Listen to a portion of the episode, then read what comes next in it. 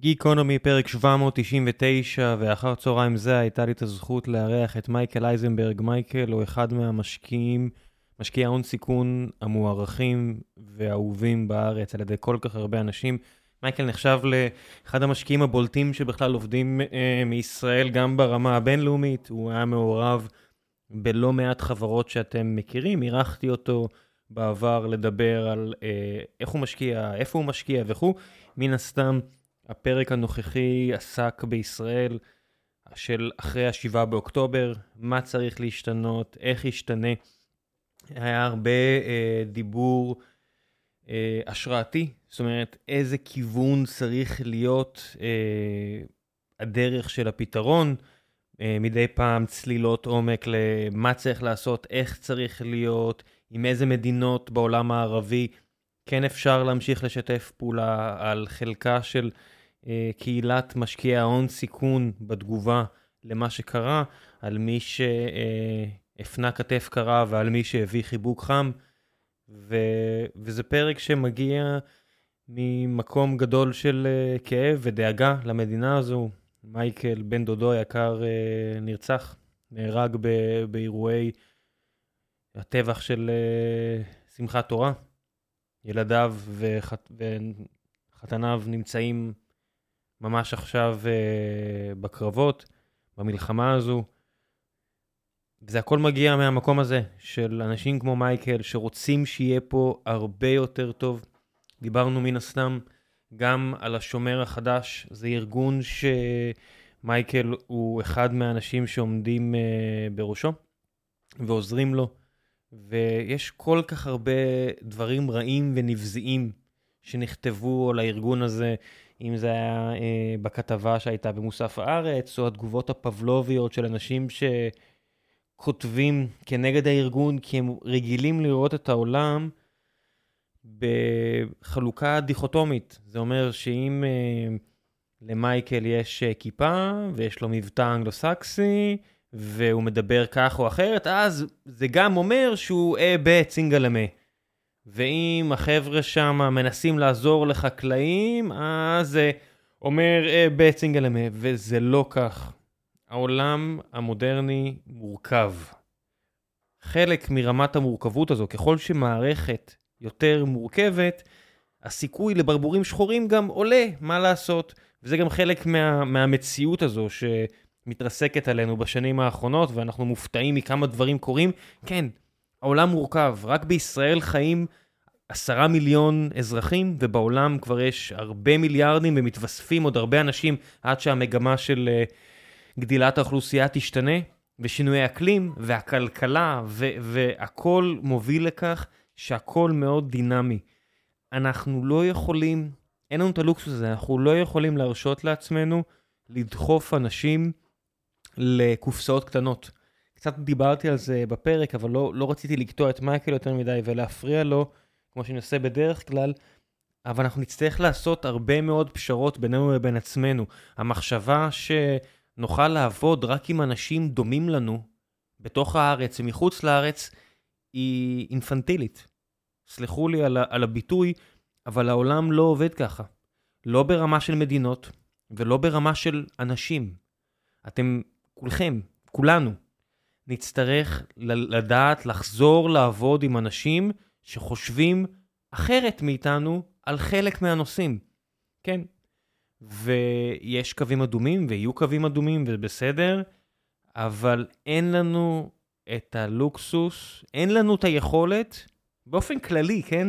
האמנתי בזה עוד לפני אירועי ה-7 באוקטובר, עוד לפני הטבח הזה. אבל זה בטח שנכון עכשיו. הצורך למצוא את ה... מה שנכון עבור קבוצה הולכת וגדלה של אנשים, מאשר מה שמבדל, ולמצוא רק את הרובריקה שמתאימה בדיוק לקבוצה הקטנה סביבנו, היא גם לא מעשית, והיא הרת אסון, לא פחות מזה. אז גיקונומי 799, אני שמח שלדורון יהיה את הזכות לארח את אה, שלומי אלדר לפרק 800, נראה לי יהיה פרק אדיר, ולפני הפרק הזה, מייקל אייזנברג, מקווה שיהיה לכם מעניין.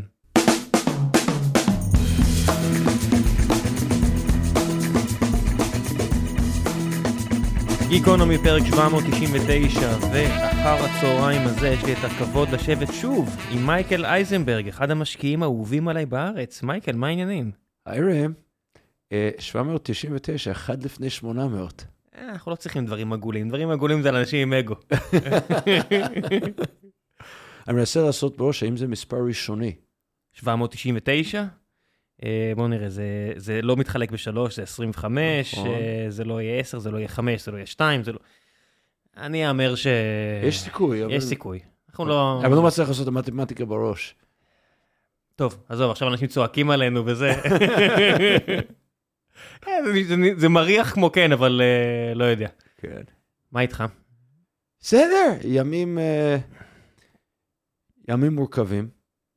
אה, גם אה, ברמה הלאומית, גם ברמה האישית, גם ברמה החברית. איבדתי בן דוד, כידוע לך, בקרבות ביום הראשון אה, של המלחמה. אה, עם ישראל ומדינת ישראל איבדה כמות של אנשים שלא איבדנו ביום אחד מאז השואה. אה, מזכיר פוגרום. אה, ואני חושב ש... שהרבה חברים בחוץ לארץ, ואנשים שאני מכיר, אה, גם תחושת הביטחון האישי שלהם אה, עורער, וכל מיני אנשים שהם חשבו שהם חברים שלהם, פתאום מגלים שלא. ואני חושב שיש סוג של הרגשה כללית, שההיסטוריה קצת חוזרת על עצמה, וחשבנו שאיכשהו אה, אנחנו מקובלים יותר ממה שאנחנו באמת. וזה מערער לנו את הביטחון. מצד שני, אני חושב שבכל דבר כזה צריך להיות הזדמנות. אה, והמצב שלנו שונה היום. יש לנו מדינה, יש לנו צבא, אה, יש לנו גיבורי על שהציעו את המצב אלמלא החיילים הראשונים, כולל בן דוד שלי והמון אחרים, אה, שחתרו למגע ביום הראשון, זה יכול להיגמר הרבה הרבה יותר גרוע, ואנחנו כבר חושבים שזה מאוד מאוד מאוד גרוע. זה באמת גרוע. אה, ואני חושב שיש מלא דברים שצפים עכשיו במדינה שלנו, שלא טופלו עשרות שנים. וזאת הזדמנות להתחיל. את ישראל מחדש, מה שקראתי לו חלוציות אה, 2-0 במאמר בסוף שבוע ביחד עם עמי דניאל, אה, והאחריות כולה עלינו. כן, אתה יודע, אחרי 73 לקח אה, למדינה 10 שנים עד שהיא פשטה את הרגל. אבן הדומינו הראשונה, זה לא יום כיפור היה, אבל זה בהחלט התחיל להגביר את המהירות של האבני דומינו. אני חושב שזה די בטוח, שמסתכלים ימינה-שמאלה, שאנחנו לא יכולים להמשיך כמו שהיינו. לא, לא כלכלית ולא חברתית. חייב לומר שלא חשבתי ככה מלפני, אבל... אה, פשוט לא חשבתי כי... שזה יהיה כל כך מהר. כן, כן. ההיסטוריה, אגב, יש לה נטייה אה, לעבוד באינטראפטים. זאת אומרת, זה לא, זה לא ליניארי. יש איזשהו משהו מתקדם, מתקדם, או, פתאום קורה משהו. אנחנו לא בריק, אנשים מסביבנו רואים דברים שקורים בדיוק, גם אצלנו. בדיוק, ו... אה, לא יודע אם התאפסנו עדיין, אני די משוכנע שחלק גדול מהפוליטיקאים שלנו לא התאפסו עדיין. אה, הם חיים במערכת ההפעלה 1-0, ואנחנו ב-2-3-0, והאזרחים כבר היו ב-2-0. אה, וזו אחריות גדולה עלינו, למען ילדינו, נכדינו, נינינו. אבל אתה יודע שאנשים לא, לא משתנים כל כך מהר. תחשוב על חברות שאתה השקעת בהן, שאתה כמשקיע ראית שהן הולכות ליפול מצוק, אמרת, המנכ"לית או המנכ"ל אמרו לך, טוב, בסדר, ובורד אחרי זה ראית אותו דבר בדיוק, רק אולי עם שקף בצבע אחר. נורא קשה לשנות מערכות גדולות. ללא ספק. אפילו את עצמנו, כן? אפילו נתחיל בדיוק. בעצמנו. רוב, כבן אדם. רוב בני האדם שונאים שינוי. רוב בני אדם שונאים שינוי. אחד מהמרתקים בעולם הסטארט-אפים והטכנולוגיים וההשקעות הון סיכון, שאני מעדיף לקרוא לזה הון הרפתקאי, אה, הוא שאנחנו משקיעים בשינויים רדיקליים. אני רוצה להאמין שאנחנו קצת יותר פתוחים לשינוי, אבל רוב, רוב האנשים, כי אני תמיד שואל אנשים בהרצאות, כאילו, למה אתה קם מחר בבוקר? אתה קם מחר בבוקר כי אתה חושב שמחר נראה כמו היום. אם היית חושב שהוא נראה לגמרי אחרת, יכול להיות שלא היית רוצה לקום מחר בבוקר. אה, ואנשים הם אה, שונאי שינוי. אה, מי שלימדה אותי את זה הכי טוב זאת אשתי. אני די שש אלי שינוי, והיא הסבירה לי במשך כמה עשורים שרוב האנשים שונאי שינוי, והם רוצים רוטינה, רוצים להמשיך בחיים שלהם. אנחנו לא יכולים. עם ישראל, מדינת ישראל, לא יכול לחיות מתוך רוטינה. אנחנו לא יכולים. אין לנו את הפריבילגיה הזאת, לא מוק... בגלל שאנחנו מוקפים אויבים, וגם בגלל ההזדמנויות שניצבות בפנינו, גם באזור הזה, מזרח התיכון החדש, אולי אה, גם השינויים שקורים בעולם, אה, גם בגלל הגידול הדמוגרפי שלנו, אה, גם בגלל הצמיחה הטכנולוגית שלנו, אנחנו לא יכולים להישאר באותו מקום, והמערכות שלנו לא יכולות להישאר באותו מקום. אתה בעצמך, כמי שמאמין בשוק חופשי, כמי שמאמין בביזור של מחשבות ודעות והון הרפתקאי, או הון הרפתקאות כזה או אחר, או הון סיכון, שאתה רואה דבר כזה, משהו משתנה אצלך, שאתה אומר אולי צריך פה איזושהי הכוונה, זאת אומרת, אני בדעות שלי כנראה מאוד קרוב לדעות שלך, ושהדבר הזה קרה, אני מיד חשבתי על מדינות כמו קוריאה או טיוואן, שמול האיומים שלהם, הכלכלה שלהם הייתה ממבוזרת למאוד uh, ריכוזית לכיוונים מסוימים שמאוד משרתות אותם היום, זאת אומרת, מצילות אותם היום. מצד שני, אני כל כך לא מאמין בדרך הזאת, זאת אומרת, ברמה האישית. אני חושב שהחוסן הכלכלי שלנו והיכולת להתאושש מזה, היא דווקא הודות לביזור. אה, אגב, אנחנו לא כזה מבוזרים. אה, חלק, אני חושב שזה 30 ומשהו אחוז מתשלומי המיסים במדינת ישראל באים מההייטק. אה, אנחנו מבוזרים וזה חלק מהחוסן, וזה טוב וזה מעולה. אני חושב שיכול להיות שאתה שואל שאלה אחרת. האם בגלל צורכי המלחמה, שאני חושב שהוא יהיה ארוך יותר, לא יכול להיות שנקודתית חמאס, אפשר לה, לגמור אותו בחודשים, שנה, שנתיים. אבל משהו התערער פה אה, בסביבה, מסך הפחד נפרץ. אה, ולכן אנחנו נצטרך להשקיע יותר, גם עסקית, גם ממשלתית, בצבא ובביטחון, בביטחון אישי, במשטרה וכן הלאה. זה כולל פתרונות טכנולוגיים, זה כולל פתרונות תעשיינים, זה כולל נשק, כנראה. אה, זה כולל משכורות. זה בדיוק, כמו שרציתי להגיד, אה, לא יהיה קיצורי שירות בצבא כבר, נגמר האירוע. כל הנושא של הצבא המקצועי שאף פעם לא האמנתי בו, הוא לא יהיה, בוודאי. אנחנו נחזיק צבא יותר גדול, יותר מיומן. בשביל להתחרות בשוק החופשי נצטרך לשלם יותר אה, לאנשים שמשרתים אותנו ומסכנים את נפשם אה, עבורנו. ואגב, טוב שכך, זאת אומרת, טוב שנשלם להם כמו שצריך. אה, והמשטרה תצטרך לגדול, ואגב, להתאפס גם כן, כי אני חושב שמנסים לעשות עבודת קודש, אבל אין מה לעשות, אנחנו שכחנו כבר שנהרגו מאות אנשים מתחילת השנה אה, מאירועי פשיעה ונשק שיש במגזר הערבי. שכחנו. הפער בין מי שעושה את זה לבין פשיעה לאומנית, כמו שראינו בשומר חומות, הוא לא תמיד גדול מאוד. הוא חוט השערה, ואנחנו נצטרך לטפל בתופעה הזאת. אה, ו... כל זה עולה כסף, וכל זה יחפש פתרונות גם טכנולוגיים ויצירתיים, וכל זה זה בני אדם. והוא יכביד על הכלכלה שלנו, או אם אנחנו נעשה אותו טוב, הוא ייצר עוד מחולל אה, יצירתיות לכלכלה שלנו. אבל נצטרך לטפל בזה. אבל אני כן עדיין חושב שהביזור יפה לכלכלה, ואני חושב שהיצירתיות שיש במערכת הישראלית, באוכלוסייה הישראלית, היא חיונית, ואני מאמין גם כן ואני כבר רואה ניצנים, אני באתי אליך מהרצאה לכמה מאות חרדים שמתחילים ללמוד תכנות, אה, או התחילו ללמוד תכנות. אני חושב שאנחנו אה, צפויים אה, להפתעות מאוד גדולות. אני לא מופתע מזה. אתמול ראיתי את דניאל כהן מוויולה, הוא שנים מדבר על הבעיה הדמוגרפית החרדית, ואני שנים אומר שהסטטיסטיקאים טועים. אין שום בעיה דמוגרפית חרדית, אנחנו עוד נברך על הילודה החרדית. אה, כתבתי על זה מאמר גם כן, בשילוח. אה, ולא רק נברך עליו, בסוף אנחנו נראה שהם ישתלבו אה, חלק מהציונים במדינת ישראל, ואני חושב שראיית הפתיחה ניתנה בטבח שמחת תורה, בדיוק להשתלבות הזאת. היו, היו כבר ניצנים, היו uh, כבר טרנדים, אבל זה הואץ בקצב עכשיו. אני, כידוע לך, אני היושב ראש של השומר החדש, הקמנו משהו בשבועות האחרונים שנקרא מישמר, מישמר, למי שמקשיב ולא מכיר את המושגים החרדים, מישמר זה לילה, בדרך כלל ליל חמישי, בין חמישי לשישי, שאתה נשאר ער כל הלילה אה, ולומד תורה. במקביל, מישמר זה מלשון לשמור, משמר העם, נקרא לזה משמר האזרחי. אה, וזה גיוס של חרדים לצורך אה, ביטחון, צורכי ביטחון, ביטחון אישי, ביטחון שכונתי, ולא רק בשכונות החרדיות. יש כבר מאות רבות רבות של מתנדבים בשבוע. זאת אומרת, כאילו, התחלנו, יריית הפתיחה הייתה לפני היום זה יום שני, יום שלישי שעבר, אה, ויש מאות רבות שכבר הגיעו להכשרה, מתחילים לעבור הכשרה וכן הלאה. אה, וזה שם, וזה בהייטק ובמקומות אחרים. דברים מדהימים יכולים לקרות. יש לך איזושהי, אה, איזשהו חשש מפרוליפריישן של, של נשק? ב... כן. זאת אומרת, אני מסתכל על זה ואני אומר, בזמן שכל מה שקרה אצלנו, הסתכלתי על החברים בארצות הברית, ועבורם, אתה יודע, זה התנרמל לגמרי שבמיין, מעל שם ניו יורק, עוד פעם, איזה crazy person עם AR, עם רובה סער נורא דומה ל-M4 שלנו, רוצח עשרות אנשים.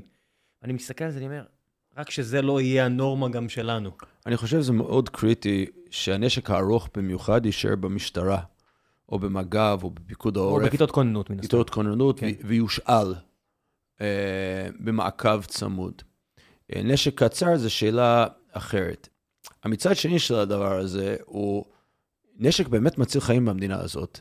מי שיודע לכבד את הנשק. כן, ראינו את זה ב-7 באוקטובר. ב-7 באוקטובר ראינו את זה, אנחנו ראינו את זה, כאילו, לא היינו מוכנים בשומר החומות גם כן, אה, ואז ראינו את ההפך. הרבה מאוד פיגועים, אני, זה ברור, מי שעכשיו צועק ל, ל, ל, לרמקול או לאוזניות שלו, כן, גם לפני ה-7 באוקטובר היו פה הרבה מאוד פיגועים שהסתיימו עם נשק אזרחי. אמת. אני, אני לא מסתכל הצידה. אמת. עכשיו, המצד שני של הדבר הזה, לכן העולם הוא מורכב. אתה יודע, אנשים רוצים אה, פתרונות אה, פשוטים וזהירים. אני מאמין במורכבות.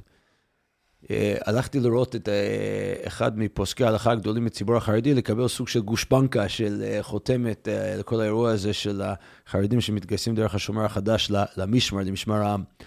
והוא אמר בצדק, הוא אומר, תראה, חרדים לא עשו צבא, אומר, והם לא יודעים לכבד את הנשק, רק חסר לך חרדים נשק בבית.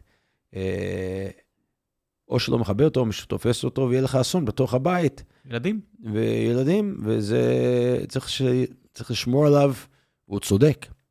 אה, אז אני חושב במכלול השיקולים, צריך יותר נשק בידיים, בעיקר של יוצאי צבא, אה, ולאורך זמן, ובשום שכל, ובשיקול הדעת, אחרי שאנשים יעברו הכשרות ויכבדו את הנשק, יבינו מה זה נשק. כנראה שצריך לחלק את זה. ובד בבד, אה, חובה למשטרה אה, להיכנס בעבריינים, לקחת מהם את הנשק. יש מאות אלפי נשקים לא חוקיים במגזר הערבי. אה, כנראה בפשע המאורגן גם כן. צריך לטפל בזה. זה דורש אומץ, זה דורש שינוי מחשבה, זה דורש שינוי פעולה, גם כן. וזה לא דורש סיסמאות. זאת אומרת, סיסמאות וצעקנות. זה גם לא יכול לבוא רק עם uh, מקל. זאת אומרת, בסופו של דבר, ברור. כוחות משטור בלי uh, גזר, בלי שהאוכלוסייה מסביב מאמינה לממסד ורוצה בטובתו, ומאמינה שהממסד רוצה בטובתה. ברור.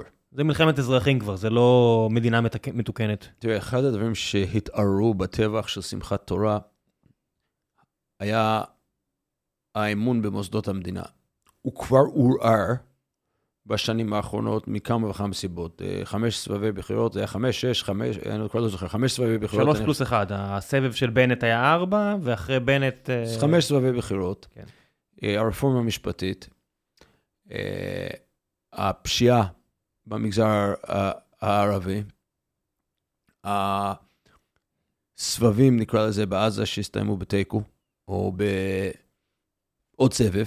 אה, העלמות מס בכמעט הכי גבוה ב-OECD, זאת אומרת חוסר אמון בכך שהכסף שלנו בא לטובתנו. העלמות מס, תכף מגיע לצד הכלכלי. אה, ואנשים, ואני אגיד את זה פה, אה, גם חלק מהאנשים שנעקרו מבתיהם בפינוי גוש קטיף, אני לא מדבר על התנתקות דווקא, אני מדבר על הטיפול הלקוי במפוני גוש קטיף אחר כך, שאגב חוזר על עצמו קצת עכשיו עם המפונים עכשוויים, כשאתה לא מטפל באנשים שפונו מבתיהם כמו שצריך, לדעתי העולם רועד, גם מטאפיזית וגם פיזית. זה אנשים שזועקים לעזרה, ואני חושב שעדיין ממפוני גוש קטיף אה, לא טופלו. האנשים האלה לא טופלו כראוי. עכשיו, אתה עובר לצד הכלכלי, המסחרה שקורה בממשלות ובכנסת עם כספים קואליציוניים, לא רק עכשיו, והחוסר ענייניות והחוסר השקעה בצמיחה, מערערת את האמון במוסדות השלטון. ככה זה, וגם בפוליטיקאים. וזה לא צחוק. זה לא, ממש... לא, אמון זה הדבר הכי חשוב בין בני אדם. ממש. וכשאתה לא מאמין במוסדות השלטון ויכולת שלהם לחלק כספים, אתה מעלים מס. אה, לא שווה לי, מה אני מקבל מזה? כשאין לי ביטחון אישי, אני מעלים מס. באמצע הקורונה הגיעו אליי אה, אה, ראש רשות אחת, ביחד עם איש צבא לשעבר, רצו להקים מפלגה. אה, ממש, אני מדבר איתך לדעתי, אה, יולי של הקורונה 2020, אני חושב. אה, רצו להקים מפלגה, שאלו אותי, טוב, תעזור לנו עם מצע. אמרתי להם, ביטחון אישי. זה הדבר היחיד, וזה אגב מה שמחבר ביניכם, אתה ראש רשות, אתה זה, אתה אין לך משטרה מקומית, הוא בא איש צבא, מפקד אה, מדהים גם, גם בשטח. הם אמרו לי, זה לא מעניין אף אחד. אגב, זה קם בן גביר, אה, בסופו של דבר. הביטחון האישי שלנו גורם לנו להאמין במוסדות המדינה ולשלם להם כראוי. ולעבוד מעל השולחן ולא מתחת לשולחן. כן, גם אדם סמית, גם מילטון, גם כל הליברטריאנים הגדולים ביותר יגידו לך דבר ראשון, לשמור על גופם ורכושם של אזרחי המדינה, א', ב', בשביל זה יש, בשביל זה יש מדינה. 아, ובטח מי שמאמין ב, במדינה בתור גוף שעושה יותר מזה. אמת. אגב, לפני אה, אה, מילטון או סמית או האנשים האלה, זה מופיע בתורה אה, גם כן. כן, פרשת נוח לפני שבוע וחצי, כי מעלה הארץ חמאס מפניהם. מה זה חמאס? אז התלמוד במסכת פאה מספר שהיו מגיעים לשוק וגונבים כמה תורמוסים אה, קטנים, כל אחד אחרי השני. אז אתה אומר, מה יודע כמה תורמוסים, מה אכפת לך? אז זאת התשובה, כשזה הופך להיות שיטה שאני גונב פה קצת וגונב שם שם, זה מערער את כל יסודות הקיום של האנושות ושל המדינה. והארץ משחיתה את עצמה. לא צריך מבול. אגב, תרתי משמע עכשיו, לא צריך מבול. כשאתה מערער את האמון בין האנשים, אז החברה פגיעה. החברה קורסת לתוך עצמה. אין לה הגנות, אין לה פסיכולוגיה הגנתית, אין לה פסיכולוגיה של יוזמה ואופטימיות, כי הכל מתפורר פה, מה, מה אני אעשה? ואני חושב שזה מה שקרה לנו פה. אני בטוח שזה מה שקרה לנו. אני, לא, אני חושב שגם פה יש הסכמה, גם אנחנו וגם האויבים שלנו מסכימים שזה מה שהחליש אותנו. ללא ספק. זה, זה פורסם uh, בתקשורת. Uh, אני באתי uh, uh, לפגישה עם ראש הממשלה, שהוזמנתי אליו ביחד עם אנשים אחרים, בתחילת הרפורמה המשפטית. להיכנס לעובי הקורה, כן רפורמה, לא רפורמה, זאת לא השאלה. החוסן של עם ישראל, החוסן של מדינת ישראל, היא ביכולת להכיל את השוני שיש בחברה הזאת, ולאחד כוחות, לא רק בזמן מלחמה. אה, הזהרתי שם, אה, אמרתי, יכול להיות שיריב לוין צודק, לא צודק, אין לי מושג. אני לא משפטן. המכלול של מה שהוא הוצא, מאיימת לפלג את העם. ואמרתי לו ששלמה המלך היה מלך מאוד מאוד מוצלח, היה שגשוג כלכלי מדהים בתקופתו של שלמה. בריתות חופקי עולם, הסכמי אברהם הראשונים, נחתמו בתקופתו של שלמה המלך. אה, אבל אחר כך בא רחבעם. ורחבעם, אה, באו אליו אנשי שכם, שאגב תל אביב דאז, ובאו ואמרו לו, אה, זה כאילו היה בירה כלכלית של מדינת ישראל דאז. באו אליו ואמרו לו, תרפה, תרפה מאיתנו. הוא הלך להתייעץ עם הזקנים, אמרו לו, תרפה, תן להם. צריך להכיל מורכבות וכן הלאה, צריך את העם. היועצים הצעירים אמרו לו, לא, צריך להקשות עליהם. אה, הוא אמר להם בסוף, אבי יסר אתכם בשוטים, אני אסר אתכם בעקרבים. ראש הממשלה השלים את המשפט, ואחר כך היה פילוג הממלכה, ממלכת יהודה וממלכת ישראל, ואנחנו בוכים מאז על זה.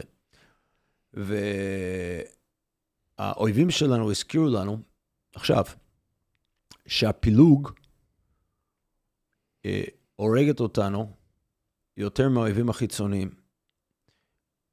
אנחנו, לא רוצה להגיד בלתי מנוצחים, אבל אנחנו חזקים מאוד כשאנחנו ביחד ומצליחים להכיל את המורכבות של אה, כל השבטים וכל הדעות וכל הרצון של, אה, שלנו לבלוט בתור בני אדם. אין, זה, לא, זה לא עם של יסמנים, העם הזה. לא, אפילו, אפילו קצת להפך. כן, כן. לפעמים אולי עדיף פחות שאלות בחדר, אבל בסדר, זה מה יש. זה, זה אנחנו, זה בסדר. לטוב ולרע זה מה יש. התורה אומרת עם קשה עורף. יש כן. בזה יתרונות כן. ויש לזה חסרונות, אבל זה מי שאנחנו, בעיקר צריך להכיר מי שאנחנו. ואם זה מי שאנחנו, חובה, חובה עליונה לשמור על אחדות.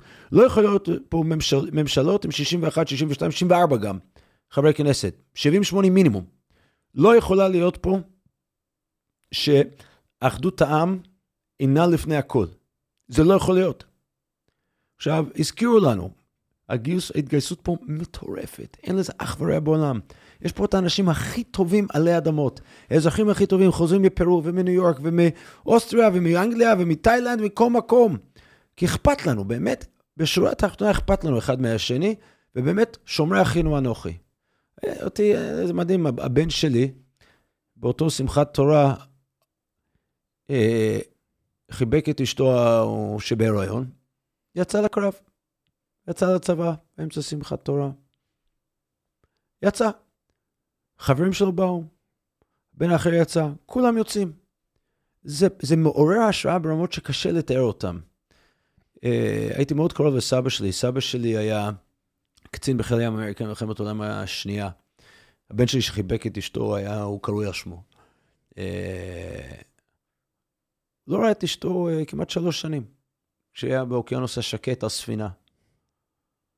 מה יש לנו להתלונן? זה לא היה... ארה"ב באמת קלטה יהודים, עשתה... יש לנו מדינה משלנו אחרי אלפיים שנה. אנחנו נריב, פקקת הרפורמה המשפטית? אנחנו כן. נריב על מיליון דברים אחרים? לא. אז קודם כל, אפשר לעשות פה שינויים. צריך לעשות פה שינויים. צריך. על זה דיברנו בתחילת ההקלטה. חובה לעשות פה שינויים. אבל צריך לגבש הסכמות רחבות ככל שאפשר. צריך לגבש תנועה לכיוון השינויים האלה, לעשות אותם בשום שכל. כן, זה הרבה פעמים it's easier said than done. יודע, זה קצת כמו להגיד, אני רואה הרבה אנשים שאומרים, אה, התרענו שהצבא לא בסדר. אני אומר, אוקיי, אני, אני אפנה אתכם להרבה, אתה יודע, זה כמו חברה מסחרית, שאנחנו רואים שיש בעיות, קשה לתקן. ואז עולה השאלה, מה אנחנו עושים לא נכון, או מה עשינו לא נכון, שנעשה אחרת קדימה.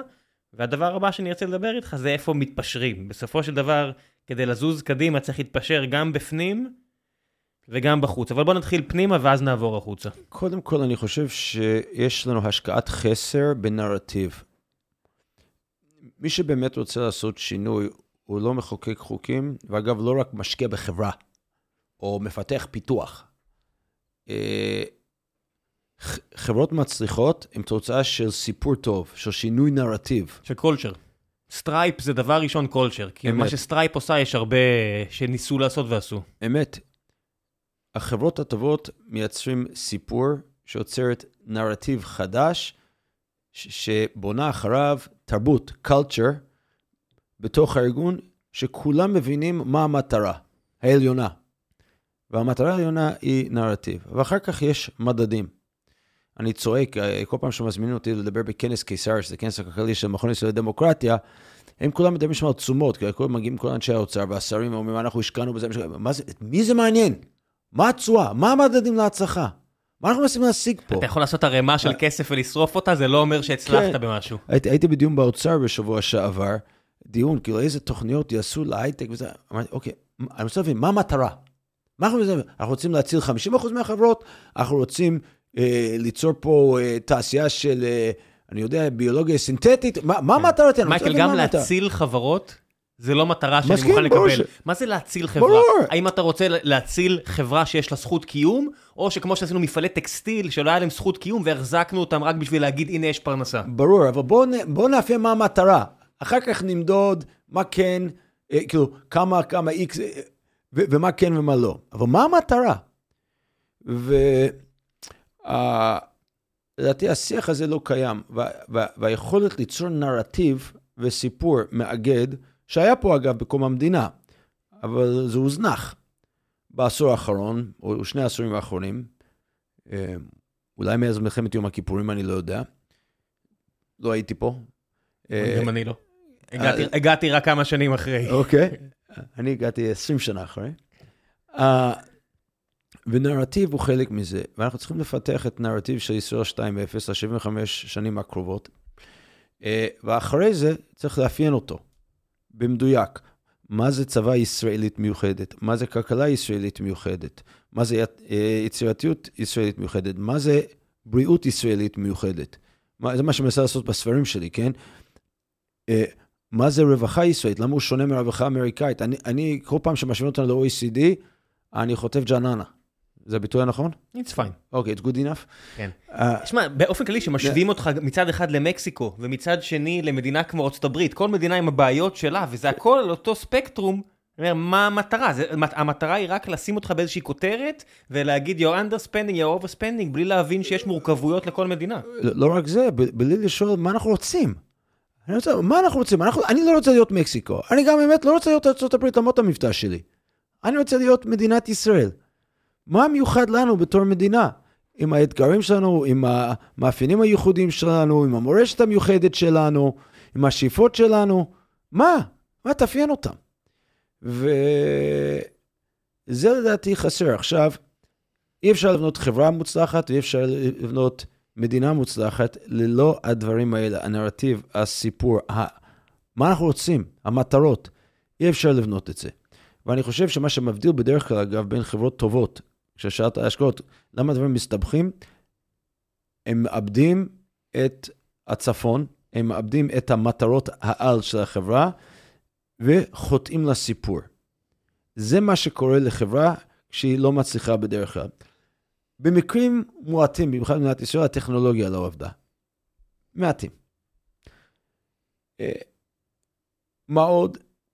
חברות פושטות רגל כי נגמר להם הכסף. רוב החברות עם סיפור טוב ונרטיב טוב ומטרות ברורות, יודעות לגייס כסף גם כן, כי משקיעים קונים סיפורים. או להסתדר עם פחות כסף. או להסתדר עם פחות כסף, כי יש, אתה צודק, כי יש רעב, כי יש שריטה שאני חייב להגשים את היעד הזה. אני באתי מהרצאה עכשיו לחרדים, אני מספר להם, תתפלאו, אבל כל היזמים המצליחים שאני מכיר לא הקימו חברה בשביל להרוויח כסף. כאילו, זה לא מחזיק. רק השריטה, שאני חייב לתקן משהו, שאני חייב לסדר משהו, שאני חייב להגשים איזשהו נרטיב חדש ולשנות את העולם, רק זה מחזיק חברה אה, תחת קושי. כל זה חסר לנו. ואנחנו נצטרך לבנות אותו לאט לאט עכשיו, ייגמר בעזרת השם המלחמה הזאת מתישהו, אה, יתחלף דור, יתחלף דור. מה זה אומר יתחלף דור? מה, פשוט שכבה של מנהיגים שילכו הביתה, ומנהיגים אני אומר לא רק בפוליטיקה, צבא, שב"כ, מודיעין, כן. כנראה, אה, אתה יודע, יש, יש אה, אה, משפט שלקוח מה, מהתפילה שהולך ככה, אור חדש על ציון תאיר, ונזכה כולנו במהרה לאורו. אני שיניתי את זה בשבועיים האחרונים לדור חדש על ציון תאיר. זה מה שאנחנו צריכים. אתה יושב עם אנשים, אתמול ישבתי עם מישהו בכיר במדינה, אני, הוא בא לדבר איתי על הסברה. אני אומר לו, אתה באת לדבר על הסברה, בוא נדבר על חוסר ההסברה. אתה מבין שהחוויה של אנשי הטכנולוגיה שכולנו מכירים אותם, והחוויה שאיך המדינה חושבת על הסברה היא שונה שמיים וארץ, כן? עזוב בוטים, אללמים וכן הלאה, שאולי חלק מהפוליטיקאים יש להם את זה וחלק כן, אבל המדינה אין לה. Uh, אתה מגיע, ל... איך זה נקרא? Uh, מערכת ההסברה הישראלית המרכזית, כבר לא זוכר איך זה נקרא, הדבר הזה שמושיק אביבי, אני חושב שקוראים לו, מנהל אותו. זה כולם מסכי טלוויזיה של העולם, עזוב אותך. איפה הטיקטוק? איפה, איפה העולם התוכן המבוזר שאנשים מייצרים? איפה הממים? איפה הרצון ליצור נרטיב? מה הנרטיב העל של הדבר הזה? אגב, חמאס שווה אייסיס זה לא נרטיב, זה סיסמה. אני אתן לך דוגמה לנרטיב, אה, כתבתי על זה מאמר היום, אה, גם כן, שאני מקווה שיתפרסם באנגלית. Until it's safe for Israeli citizens to go home, Gazan citizens are not going home. אוקיי? עד שזה לא בטוח לתושבי עוטף ישראל לחזור הביתה, גם תושבי עזה לא חוזרים הביתה, זה צריך להיות מובן. עכשיו, נפרוץ את זה לפרטים. איך תושבי ישראל יכולים להיות אה, אה, סמוכים ובטוחים שהם יכולים לחזור הביתה ושם? כנראה צריך לפרק את עזה מנשקה, לפרז את עזה. פירוז מלא. אין מה לעשות. עכשיו יגידו שזה לא אפשרי, תעשה את זה אפשרי. זה מטרת העל. לפחות אבל יש מטרה. לפחות כן. אתה יודע אם אתה מצליח או נכשל במה שאתה בדיוק. מנסה לעשות. זה מטרת העל. אם הם מרגישים 100% בטוח לחזור הביתה בשלום ולבנות מחדש משהו יותר יפה, בלי פחד שיהרס, הצלחנו. זה מטרה. עכשיו, ברגע שיש לך מטרה, אתה כבר יכול, והמטרה היא מה שחשובה, מפה אתה כבר יכול לעשות פשרות פנימה והחוצה. אמת. וכשאני מסתכל החוצה, אני רואה שיש איזושהי רמה של נאיביות בקרב יותר מדי ישראלים, שאני חושב שאין לנו את הפריבילגיה להיות נאיבים. כי זה שרוב העולם uh, קצת אנטישמי או הרבה אנטישמי, that's a fact, זה עובדה. אז יש לך את ארדואן שעושה רעש, וערב הסעודית שעושה רעש, וקטאר שעזרה מאוד למה שקרה פה, ואירופה שמלאה באנשים שלא אוהבים אותנו, זה עובדה. עכשיו תבחרו מה אתם רוצים לעשות ועם מי. זאת אומרת, המחשבה שאנחנו יכולים לבד היא גם מאוד נאיבית. כן, אני, אני גם אחפור במה שאמרת על סעודיה, אני דווקא חושב שקורה שם שינוי אמיתי. אני בטוח שקורה שם שינוי אמיתי. אה, ואני חושב שיכולה, אני, אני עוקב אחרי מה שהם אומרים ולא אומרים בשבועות האחרונים, ואני מוריד את הכובע ומצדיע אפילו. אה, אני חושב שהסיפור של ארדואן טופל בחסר כבר מעל עשור פלוס. טורקיה תמיד הייתה מעצמה, תמיד. בתודעה של עצמה היא עדיין מעצמה. מהרבה בחינות היא באמת מעצמה. והיא מדינה גדולה שגם רבה עם איראן על בכורה בעולם האסלאמי. לא רק מול איראן, בעולם הסוני. הוא הוא, הוא רוצה להיות מעצמה, הוא רוצה להיות קליף. והיא חברה בנאטו, פירושו של דבר יש לה גישה לנשק מתקדם ולאימונים מתקדמים אה, וכן הלאה. היא אפילו מייצרת, אתה יודע, הבחור הזה שמייצר את, הכטב"מים שאתם שומעים עליהם, זה ילד בן 26 שלמד בארצות הברית, גאון, באמת בחור מבריק, חזר והקים את המפעלים האלה והם מייצרים את זה בעצמם. את כל מה ש... שאתם שומעים את הכטב"מים הטורקים, כן. זה ייצור עצמי, אמת. הם לא פראיירים. הם, הם בוודאי לא פראיירים. גם אם הלירה ו... צונחת והישראלים בטוחים שטורקיה קרסה, כשאתה מתקרב להיות אוטרקי, שהמשק שלך באמת עצמאי, הם מצאו גז. לא היה להם אף פעם אנרגיה, זה היה הבעיה. אבל עכשיו יש להם הרבה גז בים השחור. יש להם תעשייה גדולה ותעשייתית, אז הלירה יורדת, יש גם יתרונות לפיחות של מטבע. ויש להם גם מלא עובדים. אחד, למשל, הבעיות במשק הישראלי, אין לנו הרבה עובדים. כי אנחנו בתעסוקה יחסית מלאה, אפילו עכשיו. אה, ואם אנחנו רוצים לצמוח, צריך ידיים עובדות. זה בא מרק כמה מקומות, אה, ילודה או הגירה. יש עוד, כשאתה אומר, ו... יש לנו תעסוקה מלאה, זה ביחס לדורשי עבודה. אמת. צריך להגיד את האמת. אמת, זאת האמת. לא, למי שלא יודע, שאנשים אומרים תעסוקה מלאה, שרואים אחוז אבטלה נמוך, זה רק בקרב. מי שרוצה לעבוד. כן, אבל לא משנה, למשק, אה, אם היא רוצה לצמוח, דרוש ידיים עובדות, אז הם, לא זמינים, כי הם, או שהם לא נמצאים ורוצים לעבוד, הם לא כן, זמינים. זה כן. אה, ובטורקיה, למזלם, רובם רוצים לעבוד. אה, ויש הרבה ידיים עובדות, ש... הם, זה משאב רציני, ואני חושב, אנחנו שוכחים, אבל עד שהבריטים הביסו אותם לפני כמאה שנה, הם היו אימפריה, מאות שנים. פה. פה.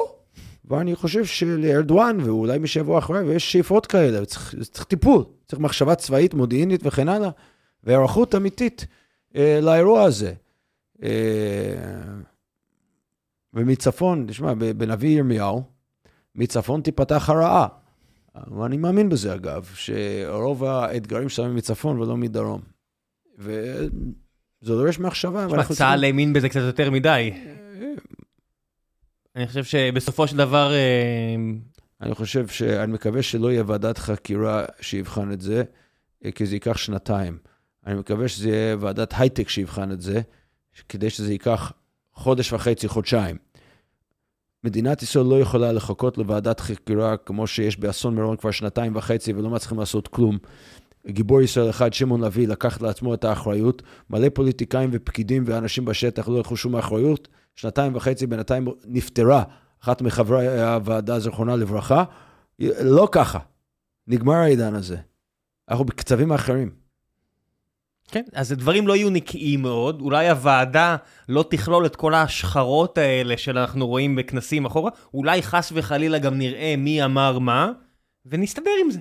זאת אומרת, אין, המחשבה שאפשר אה, להעלים את האמת כדי לשוחח על כל מיני אנשים, גם תצטרך לעבור. ברור, אחד הדברים שקורה בדור הזה, אני כותב על זה מלא בספרים שלי, הוא שהשקיפות חוגגת. זאת אומרת, גם הפייק חוגג מצד אחד, מצד שני, גם השקיפות והאותנטיות והשקיפות צריך להיעשות ולהיראות ולהיות. ואי אפשר לטייח דברים כבר, נגמר. איך אתה תחזור לעשות, אה, לא יודעת כמה אתה וחבריך עכשיו, אה, יהיה לכם ראש עכשיו להשקיע, ברגע שתחזור להשקיע... אני משקיע. אני יודע, אבל עכשיו שאתה מסתכל ימינה-שמאלה, הרבה מהאנשים שהשקעת איתם, או ישבת איתם בהשקעות, או יצאו מ... בוא נשים שם, פול גרם וכל מיני חבר'ה כאלה, עד כמה אפשר יהיה לשכוח את החודש האחרון? אה, קודם כל, אני חשבתי כבר שנים שפול גרם הוא אנטישמי. לא התקרבתי אליו, לא אתקרב אליו. מה היה האירוע ש... ראיתי את זה, יש לו מלא ציוצים, תגלגל אחורה אצלו. האיש הוא אנטישמי לחלוטין. אה, לא השקעתי בחברות Y Combinator. כהחלטה מודעת של... כל עוד שגרם היה שם, כשסאם אוטמן הגיע, בחנתי. סאם זה גוד גאי? כן. אה, ואחד הדברים מאוד יפים שקרו מאז פרוץ המלחמה הזאת, היא התלכדות מטורפת של משקיעים יהודים, מנכ"לים יהודים, יזמים יהודים וישראלים מרחבי העולם, זה פשוט מעורר השראה. אה, אתה יכול לראות אפילו ב top, לא ב top של הטלפון שלי, יש פה איזה ארבע קבוצות של אה, כל מיני... כן, לא, לא נגיד שמות. יהודים טובים ברחבי העולם, וחלק מזה הם גם התפכחו לגבי אה, גראם. אה, מישהו הוציא רשימה אה, לעשות, של, לעשות בויקוט, לעשות כן, חרם על מי ש... על מי שמגן על ישראל, כיכבתי שם, ביחד עם חברים טובים כמו ג'וש קפלמן וסקאט קופור, שאפילו הוציא ציוד שהוא לא הצליח להתקבל לרשימת עמידס, אבל סוף סוף זכה ברשימה מאוד מאוד מכובדת. ו...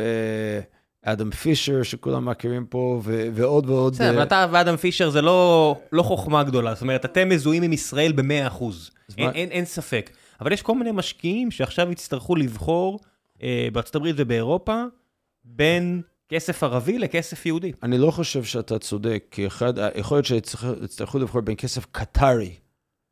אתה צודק, אה, כי ערב, שמע, גילוי נאות, סופטבנק אה, השקיע בסטרים אלמנטס, כן. ערב הסעודית השקיע בסופטבנק, כן? כן? אז אני לא... אני צריך לשים את זה על השולחן. תראה, הנושא הקטרי הוא נושא מאוד מאוד מאוד כבד, כי הם מנסים לשחק את זה אה, לרקוד בשתי החתונות אה, גם יחד. הם כבשו את האוניברסיטאות בארצות הברית עם הרבה כסף. ספורט. וגרמו להרבה אנטישמיות. הם כבשו את uh, ליגת הכדורגל של אנגליה, הפרמייר ליג. מונדיאל הביאו. את המונדיאל הביאו, למרות ששחטו שם מלא אנשים, שנהרגו שם מלא אנשים, זה שחיטה. צריך להגיד השחיטה הכי גדולה זה השחיתות שהם והרוסים עשו. אתה יודע, שנטפליקס הוציאו את הסרט הזה, שהראו עד כמה הקטרים היו מושחתים in everybody's faces. אמרתי, איזה אומץ יש לנטפליקס לעשות את זה, זה רק מראה שיש תקווה שזה לא כמו עם סין. אני... עם סין אסור לדבר. כולם למדו את הלקח. כבר לא, כבר לא. ואנחנו נצטרך להתמודד גם עם טיק טוק, שזה תוכנית הריגול אה, והשטיפת מוחות הכי טובה שפותח אי פעם, אה, שהורס דור שלם אה, בארצות הברית בעולם. אני, אפשר לשאול את כל הילדים שלי, אסרתי עליהם להתקין טיק טוק מאז ומתמיד. את האחייניות שלי, אני התחננתי בפני בפני אבא שהם שלא ישימו טיק טוק ומיליון אחרים. זה דבר משחית בטירוף, הטיקטוק הזה, ועדיף שיעלם מהעולם. יש לי אגב על זה ויכוח עם ערן שיר כבר הרבה זמן, אני מקווה שניצחתי את הוויכוח שלנו, עוד שעוד לא דיברתי איתו על זה כבר אה, מאז פרוץ המלחמה. ערן תפס את הפוזיציה של טיקטוק זה טוב? כן, ו... אה, תראה, כל מיני דברים האלה בעולם יצטרכו אה, לעבור שינוי עכשיו. העולם מחולק, לדעתי הוא היה מחולק כבר כמעט 20 שנה. אה, בין ציר, סין, רוסיה, איראן, קטאר לדעתי, לבין ציר אחר. והדבר הזה צריך להשפיע על כולנו בבחירת מוצרים, בבחירת שותפים, בבחירת משקיעים. מישהו כתב אגב על uh, טבלת החרם הזה, על, עלינו, על uh, ג'ף מוריס ועוד אחרים. Uh, why? That's the dream cap table. How can I get all these people on my cap table? אפשר לחשוב שלהגיע אליכם זה בחירה של היזמים ולא שלכם, אתה יודע. לא, זה בחירה של היזמים בטוח. זה גם וגם לכל היותר. ו... you know, אנדריסן הורוביץ שם, וסארה טייבל מבנצ'מארק ואחרים, אנשים מדהימים. אגב, המצחיק, כי הוא בנו את רשימת החרם על איירטייבל, שהמשקיעים שלהם נמצאו ברשימה, אבל לא משנה. אז מה הם יעשו, במאנדיי? איפה הם יעשו את הרשימה הזאת? אז איפה יעשו אותה? בגוגל? כאילו, אתה יודע, בסופו של דבר זה קצת קשה לברוח. ואנחנו צריכים אה, לדרוש משוחרי השלום בעולם ושוחרי הערכים המערביים כאלה ואחרים, אה, המודרניים, אה, שיעשו בריתות, גם לרכישת מוצרים, גם לשיתופי פעולה בין המדינות האלה. אני, אחד הדברים המדהימים, אני חושב שזו עמידה איתנה למשל של האמירתים. אה, לא קל, לא קל להם. בן זיאד נמצא בפוזיציה מאוד קשה כרגע. זה, זה אפשר לשאול אותו, אני מצדיע להם. אני באמת מצדיע להם. אני מצדיע למצרים ולסעודים לא קל, הרחוב לא קל, אה, ואני מצדיע לחיילינו. אה, כן, תשמע, כן. כל החבר'ה האלה שאנחנו מדברים עליהם, מהחיילים שלנו ועד השמות שאתה מנית, אה, הם לא רק משחקים על הכסף שלהם, שליטים בעולם המוסלמי שלא הולכים ראש בראש עם ישראל, כמו שסאדאת גילה, משלמים בחיים שלהם הרבה פעמים. אני באמת מצדיע להם. לא סתם אמרתי אני מצדיע להם, ואני מצדיע גם כן למלא מלא משקיעי הון סיכון ברחבי העולם, עמדו לצידנו. פול גראם הוא האנומליה. אה, מה עושים למשל, מייקל, עם למשל חקלאות ישראלית? זאת אומרת, אתה, ואני אחזור שוב, אה, אתה בכל זאת ימין כלכלי. ואיפה עובר הקו בין סובסידיה בריאה לבין אה, מרקנטליזם לא בריא? קודם כל, אני חושב שהטענה שאני ימין כלכלי היא טענה לא נכונה. אז איך היית מגדיר את עצמך? אני מאמין במה שאני קורא לו כלכלה ישראלית, שהיא כלכלה בעיקר חופשית, אבל שיש לה צרכים ומאפיינים ייחודיים. בצד ה... אה, מה שאתה קורא לו חקלאות, תראה, טרומפלדור צדק. איפה שיעבור המחרשה האחרונה, שם יעבור גבולנו, זה בוודאי נכון. אה, במדינת ישראל, מאלף ואחת סיבות, מביטחון מזון עד ביטחון גבולות, אה, לא יכולה להסתדר בלי חקלאות מקומית. אנחנו לא יכולים. אני יותר בעד סובסידיות, ופחות בעד מכסות. וכל המועצות האלה, המועצת הלוב, מועצת הדבש, אני צריך להיעלם מהעולם הדבר הזה. אה, כי זה אנכרוניסטי. אנשים אבל... אה, צריכים לקנות סחורה איכותית. לא יכול ש... להיות שאנחנו נכריח את עצמנו לקנות אה, סחורה ישראלית נחותה, כי אין סיבה. סחורה ישראלית צריכה להיות גם טובה וגם מסובסדת. אגב, והיא גם טובה. בהרבה מקרים. כן. הסחורה הישראלית טובה יותר וטריה יותר. בטח מעגבניות בטורקיה, או מירדן. בדיוק. ולכן, אגב, קידמנו בשומר החדש את חוק סימון המוצרים, שרק מסמנים מוצרים ישראלים. אגב, זה בושה בעיניי שזה לא נכנס לתוקף כבר ולא האיצו את זה, זה נכנס לתוקף רק בינואר. אנשים רוצים לקנות כחול לבן עכשיו, ולא לקנות מטורקיה ומקומות אחרים. זה בכל העולם. אותם. בצרפת, ברור. אם אתה תקנה אה, שמפניה, זה יין נתזים צרפתי, ואם תקנה קוניאק, אז זה ברנדי צרפתי, ואם תקנה אה, קרואסון, אז אתה רואה עם חמאה או עם מרגרינה, כי חשוב להם תרבות. אמת. ורק בארץ יש מחשבה שאנחנו כאילו היפר גלובליסטים, שאין כבוד לסחורה המקומית. אמת, ואנחנו צריכים לתמוך בסובסידיות ישירות בחקלאים, כמו שעושים את זה בכל מדינות העולם, ולהיות גאים בכך, ולוודא אה, שלחקלאים יש פרנסה ופרנסה בכבוד. אתה יודע, אם אני זוכר נכון, הגיל הממוצע של חקלאי ישראל הוא מעל 60. 60 ומשהו, כן, קראתי את זה גם. 62 או 64. אנחנו צריכים להצעיר את, עם עין, את, ה, את גיל החקלאים ולהביא דור חדש. הדור החדש זה צריך סובסידיה, אין מה לעשות. אי אפשר אבל, מייקל, לדבר ו... על זה בלי מה שאתם עושים בשומר החדש. זאת אומרת, לא יכול להיות ש... וזה לא רק יהודים. אני הלכתי לבקר אה, ברג'ר. זאת אומרת, כפר לא יהודי. כן. והבן אדם שם הגשים חלום, רצה לגדל איזות ולעשות גבינות, והוא לא עשה את זה עד שההורים שלו מתו, בגיל שהוא היה בן 50, כי הם לא הרשו לו. אתה יודע, בסדר, ערבים, זה משפחתי. והוא עשה את זה, ומה קרה? תוך כמה חודשים באו ולקחו לו את כל האיזות. אז הקיבוצים מסביב, היהודים עזרו לו, והוא התאושש, והוא עמד על הרגליים, והוא אומר, אתה יודע, תודה לבורא, והוא מכין גבינות, סופר. אבל לקחו לו את כל האיזות, החבר'ה מטובה ומכל הכפרים שם, ואף אחד לא שומר עליו. האמין לי, אני מכיר את זה. אני יודע שאתה מכיר את זה, אבל אי אפשר ככה. מייקל, אי אפשר. זה חוזר מה שאמרתי לגבי המשטרה ומשמר הגבול. אנחנו צריכים להחזיר את הביטחון האישי לכל האזרחים, במיוחד לחקלאים. זה, אי אפשר לעמוד מנגד על הדבר הזה. אגב, לא רק זה, הרבה תאילנדים, איזה 6,000 תאילנדים כבר ברחו מהארץ מאז הטבח של שמחת תורה. אה, חלק מבני עמם גם בשבי עדיין. 50 אה, אנשים. ו... חלק מתו, חלק נרצחו. אף אחד לא יודע. ו... ו... אנחנו צריכים ידיים עובדות לחקלאות. מה הפתרון? היום כתבתי על זה מאמר, כן? אה, כתבתי לפני כמה ימים שצריך לשחרר את החרדים, להוריד גיל הפטור, שיכולו לעבוד בחקלאות ובבנייה עכשיו. יש פה מצוקה אמיתית של ידיים עובדות, צריך לטפל בזה עכשיו. אי אפשר לחכות חצי שנה. אנחנו נאבד עונה חקלאית uh, טוטאלית. ואגב, כשאין אנשים שעובדים בשדות, גם הטובה חוגג. Uh, הפושעים חוגגים, וזה צריך לטפל בזה. Uh, כן, זה חלק, חלק מקריסת האמון במסורת הוא בדיוק זה. העיזים אצלי גנבו מונה מים, uh, לא פעם ולא פעמיים, יש לי חווה, וזה קורה לכל החברים שלי, ואי אפשר להמשיך ככה. אנשים כבר לא מדווחים למשטרה, כי לא מאמינים שיעשו משהו עם זה. תגיד, שאתה, יצא לך לדבר עם השר לביטחון פנים, בגלל... לא. לא? איך לא? כי הוא לא רצה? תשאל אותו. איך זה יכול להיות? תשאל אותו.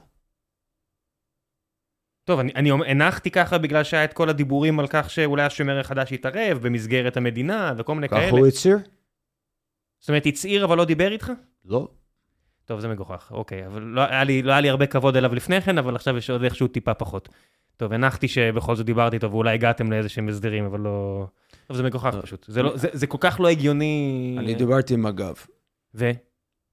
רצו, רצו. עובדים סופר ממלכתי. מה עוצר אותה, מייקל? למה, למה בעמק שרה בבאר שבע, אנשים בעלי עסקים לא יכולים להרגיש בטוח? מה עוצר אותם?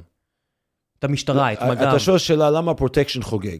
לא, למה המשטרה, שמלאה באנשים, ראינו עכשיו את המשטרה, אנשים שעבדו בבאר שבע כל השנים האלה, רצו לתוך אש כאילו הם רמבו, סיפורים שלא נתפס. גיבורים. מי שאמר שהם פוחדים, כולל אני, שאמרתי, הם הולכים רק על מה שקל, הם מפחדים מהבדואים, מפחדים מהפושעים, הוכיחו שטעיתי לגמרי, אנשים כאילו עם רמות גבורה של סרטי אקשן. מי שמת ומי שלא מת, באמת להוריד את הכובע, מדהים, מדהים, מדהים, מדהים. למה הם לא מצליחים לעקור את השורש אה, אחד, היה עזיבה מאוד גדולה מהמשטרה, ואין מספיק כוח אדם. אנחנו, תקשיב. איזה, יש איזה אלפיים תקנים פתוחים, תקשיב, למי שלא מכיר. אחד הדברים שלא התרגלנו אליהם, שאנחנו מדינה של עשרה מיליון אנשים כבר, עם צמיחה של מעל 2% בשנה. זאת אומרת, 200 אלף אנשים מתווספים למדינה כל שנה, זאת אומרת, מתווסף פה מודיעין, עיר מודיעין אחד כל שנה, אוקיי? זה אומר שאנחנו צריכים צבא יותר גדול, אנחנו צריכים משטרה יותר גדולה, אנחנו צריכים כלכלה צומחת יותר מ-2% בשביל שיהיה כלכלה, אה, צמיחה ריאלית אה, במדינה. ולא התרגלנו שאנחנו כבר לא מדינה קטנה כל כך, וזה צריך לשנות פה דיסקט. עכשיו, בנוסף, בוודאי מה שאומרים ב-48 שעות האחרונות, או גם בשבוע האחרון, תרבות חוסר לקיחת אחריות במדינת ישראל מגלגלת אשמה על אנשים. ואני חושב שליותר מדי שנים גלגלו אשמה על המשטרה על כל מיני דברים. אה, אולי חלק מזה בצדק וחלק מזה... מי רוצה לעבוד במקום שמגלים עליו אשמה כל הזמן? מי רוצה לעבוד שם? עכשיו, אנשי המשטרה שחטאו למגע, גיבורי על, אבל יש להם מגבלות של כוח אדם, ואתה צריך לתעדף. כשאתה מתעדף, אתה מתעדף מחוזות, אתה מתעדף גזרות, ואתה מתעדף גם באיזה פשיעה אתה עוסק. אז החליטו שהפשיעה חקלאית זה אוקיי, זה pain in the neck, אבל זה לא משהו מג'ורי. אוקיי, מפשיעה חקלאית זה פרוטקשן. בסדר, נרצחים אנשים, זה יותר חשוב, או נשק במגזר זה יותר כן, חשוב. אבל זה לא שבאמת הצליחו לעצור את ה... אתה יודע, אני מסתכל על כמות הנשק שנגנב בבסיסי צה"ל. ואני אומר, מה זה, איך, איך הגענו למצב שזה נורמלי? אגב, תסתכל על מה שפרצו למכולה הזאת בערב המלחמה, או בתוך כדי המלחמה, וגנבו פרטים אישיים של חיילים שלנו. מי שילם על זה מחיר, ריבונו של עולם? מה? אתה יודע, מייקל, אם, אם, בוא נגיד ככה, מייקל, אם אחרי ששוטר מצרי אחד הרג שלושה לוחמי צה"ל, אלוף פיקוד דרום היה הולך הביתה, או לא יודע מה, באמת היינו לוקחים בחשבון שנעשה פה טעות קולוסלית. לא הבנתי. אני אומר, נהרגו שלושה לוחמי צה"ל בגבול הדרום. כן. הגבול היה פריץ, לא הגבנו מהר. אתה יודע, אנשים אמרו, אמרו, זה בטח בטח, אה, אה, ש... בטח יש פה קונספירציה, בטח ניסו להפיל את ראש הממשלה, איך יכול להיות שבע בבוקר, אף אחד לא יתעורר, שש וחצי הבוקר, אף אחד לא יתעורר. ואני אומר, רק ראיתם לפני כמה חודשים, בגבול הדרום, ששוטר מצרי הגיע, כמה זמן לקח עד שהרגו אותו, עד שמצאו אותו. עכשיו תוסיפו לזה את כל הרעש של אלפי מחבלים ולא אחד, תבינו שיש בעיות אמיתיות. טוב, גם שוב, אה, מסכת הפחד נפרצה. וזה דבר שצריך להחזיק בראש כל הזמן. אתה מעז לעשות כזה דבר כשאתה חושב שלא שילמת מחיר בעבר על דברים דומים. אה, אגב, זה מופיע בהדלפה של היום, של המסמך של ליברמן, לראש הממשלה. אה, סבבים זאת לא שיטה, גם לא בתחום הפלילי וגם לא בתחום הצבאי, צריך לנצח. אתה יודע, זה כאילו, אני משקיע. זה כאילו אני אגיד, אוקיי, נעשה עוד סבב. לא, אני לא רוצה לעשות סבב, אני רוצה לעשות אקזיט, אני רוצה לנצח. אני רוצה לנצח. להחזיר תשואה. כן. משהו, משהו ברור מאוד. לא, להחזיר... לא, לא, הרבה תשואה. כן, כן, להחזיר תשואה טובה. בעולם הזה, אם אתה לא מנצח, בסוף אתה מפסיד. ואנחנו צריכים להחזיק בראש שאנחנו צריכים לנצח. לנצח, לנצח כלפי חוץ. עכשיו, שאלת מקודם, מה לגבי הפשרות מבפנים? התבלבלנו. הפוליטיקה, במיוחד הפנייה לבס, הפך מנהיגים למי שרוצה לנצח בפנים ולא בחוץ.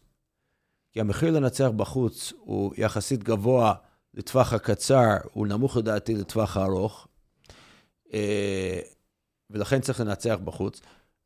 אבל לנצח בפנים, אתה מקבל תעודה מאוד גדולה בזמן אמת. כן? כשאתה מנצח בחוץ, אתה מקבל תעודה, אבל זה אחרי עשור. It's not you. someone else gets it. והרצון לקחת קרדיט על מיליון דברים ולנצח בבחירות ולה לה לה לה לה, גורר אותנו להחלטות הפוכות ממה שצריך להיות.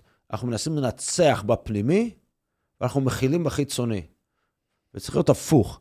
צריך לנצח בחיצוני, תשואות מטורפות, כמו בהייטק, כמו בסטארט-אפים, כמו בהון סיכון, ולהכיל בפנימי, ולגבש הסכמות רחבות, ליצור נרטיב לנוע קדימה. וזה יצבור תאוצה, לאט ולאורך זמן, ואז זה יתגלגל כמו כדור שלג יותר גדול ויותר מהר. זה האירוע. מה לגבי אקדמיה? מה היית משנה? זאת אומרת, אני מסתכל עכשיו, ואני אומר, אני חושב שקריטי שנבין שאנחנו לא יכולים לדמם יותר אנשים טובים החוצה, בטח לגבי deep-tech, ובטח לגבי ביולוגיה, כימיה, תחומים שאנחנו הזנחנו אותם בארץ. זאת אומרת, אני מסתכל על ה ecosystem בבוסטון, ואני אומר, אנחנו דיממנו הרבה מזה, אנחנו מפה. ממש, ב-MIT יש עשרות ישראלים, כן? עשרות, אבל... ב top, top, top. בוא. בוא אין בוא. סיבה שבדנמרק יפתחו תרופה כמו אוזמפיק, ובארץ לא, לא יהיה אפילו תקווה לדבר כזה. זה אני לא בטוח לגבי אה, אה, אוזמפיק ותרופות, אבל זה נשאר בצד שנייה. בוא, בוא נחזור אחורה. היום זה סוף אוקטובר 2023. אה, נשארו חודשיים עד סוף השנה. מה שאנחנו רוצים עכשיו על המלחמה, רוצים על המלחמה. האירוע הכי גדול, הכי גדול, חוץ מהמלחמה מול החמאס עכשיו, זה תקציב 24. תקציב מדינת ישראל 24. התקציב אושר לשנתיים, והוא תקציב חלוקה. חלוקה למגזרים ולמפלגות. ואנחנו זקוקים לתקציב שגשוג ותעדוף והשקעה. זה נכון לגבי האקדמיה. אנחנו נצטרך להוציא הרבה כסף על ביטחון, לא רק בשנה הקרובה, בשנתיים שלוש הקרובות. ולכן, תקציב 24 חייב להיפתח. הוא חייב להיפתח ולהיבנות מחדש. מה שצריך לביטחון, ילך לביטחון, לא בתור קופסה צדדית, בגוף התקציב, בשורות בתקציב. ואחר כך, כל שקל, ואני אומר, כל שקל צריך להיבחן. האם הוא השקעה בצמיחה או בצריכה. לא יכול להיות אף הוצאה צריכה. הכל צריך להיות בצמיחה. עכשיו, צמיחה זה הון אנושי, זאת אומרת, השקעה באוניברסיטאות שייצר פיתוחים או החזרת מוחות, או מיליון, יש הזדמנות עכשיו לאנטישמיות שיש שם. לא נעים בהרווארד. על זה אני מדבר. לא נעים ב-MIT. צריך השקעה בטח. מסיבית להחזיר את האנשים האלה. השקעה מסיבית בהבאה לפה של סטודנטים שרוצים לברוח מהקמפוסים בארצות הברית, שהגיעו פה לרייכמן אוניברסיטת תל אביב. אני הצעתי את זה כבר לשני שרים. אוקיי? צריך אגב, דחיית השנה האקדמאית השנה הוא יתרון, כי בעוד חודש הם מסיימים סמסטר ראשון בכל האוניברסיטאות בארצות הברית. נעלה אותם המטוס, נשלם את סוף הלימודים שלהם אה, במתכונת ישראלית פה בארץ, גם נפחית להם את העלות, יהיה להם פחות חובות אה, בארצות הברית, וגם נביא לפה הרבה צעירים, שזה חלק מהצמיחה. זה צריך להיות תשתיות, תשתיות על אמת. אנחנו לא יכולים להשקיע לא בתרבות ולא בלימוד תורה. אין. זה אלו השקעות צריכה ולא צמיחה. לא נעים להגיד את זה, אבל זה אותו דבר. צריך להשקיע בתשתיות אה, אה, של אנרגיה ובחוסן. מה זה אומר תשתיות אנרגיה? זאת אומרת, מה, הובלה והולכה של חשמל ו... תראה, אנחנו אה, סגרנו את הגז עם פתיחת המלחמה. זה צריך להגיד, להדליק נורה אדומה, אני חושב. צריך לחשוב מה עושים. תשתיות אנרגטיות, אנחנו צריכים להשקיע בדברים שיוצאים צמיחה מול החברים החדשים שלנו במפרץ, בין אם זה אמירויות, בין אם זה בחריין, בין אם זה סעודיה. אנחנו צריכים להשקיע, לשנות פה את החינוך מהיסוד, לייצר פה אה, הון אה, אנושי. אנחנו צריכים להשקיע ברכבות. זה לא יכול להיות שיש רק שתי רכבות בשעה מירושלים לתל אביב, זה צריך להיות 4-5, כי התדירות קובעת מי יעלה עליו. לפני כמה שעות התפרסם, לא יודע אם ראית, מסתבר שמשרד התחבורה, כל השרתים שלהם נמצאים בחולון, נפל שם טיל ואין גיבוי. כן. What? כאילו, צריך לחשב... אתה לא באמת מופתע, נכון? האמת, אני כתבתי לבני דאון, אתה מכיר אותו? בני דאון והתקציב הפתוח, הכנסת הפתוחה וכן הלאה. הוא ואני היינו בפגישה עם מנכ"ל הכנסת לפני, אני יודע, 12-13 שנה. עלה הנושא הזה, מה? לא האמנתי שאחרי 13-14 שנה, 12 שנה, זה עדיין ככה. כן, עבדו אז בשיר פוינט וזה זה. זה עדיין שייר עדיין אקטיב דירקטורי מייקל די, נו. וכאילו התחרפנו מזה, אז כתבתי לו ממש לפני שעה, אתה זוכר את הפגישה שלנו? הוא אומר, זוכר, עוד עבדתי שם עוד 50 שעות ואני בוכה על כל דקה.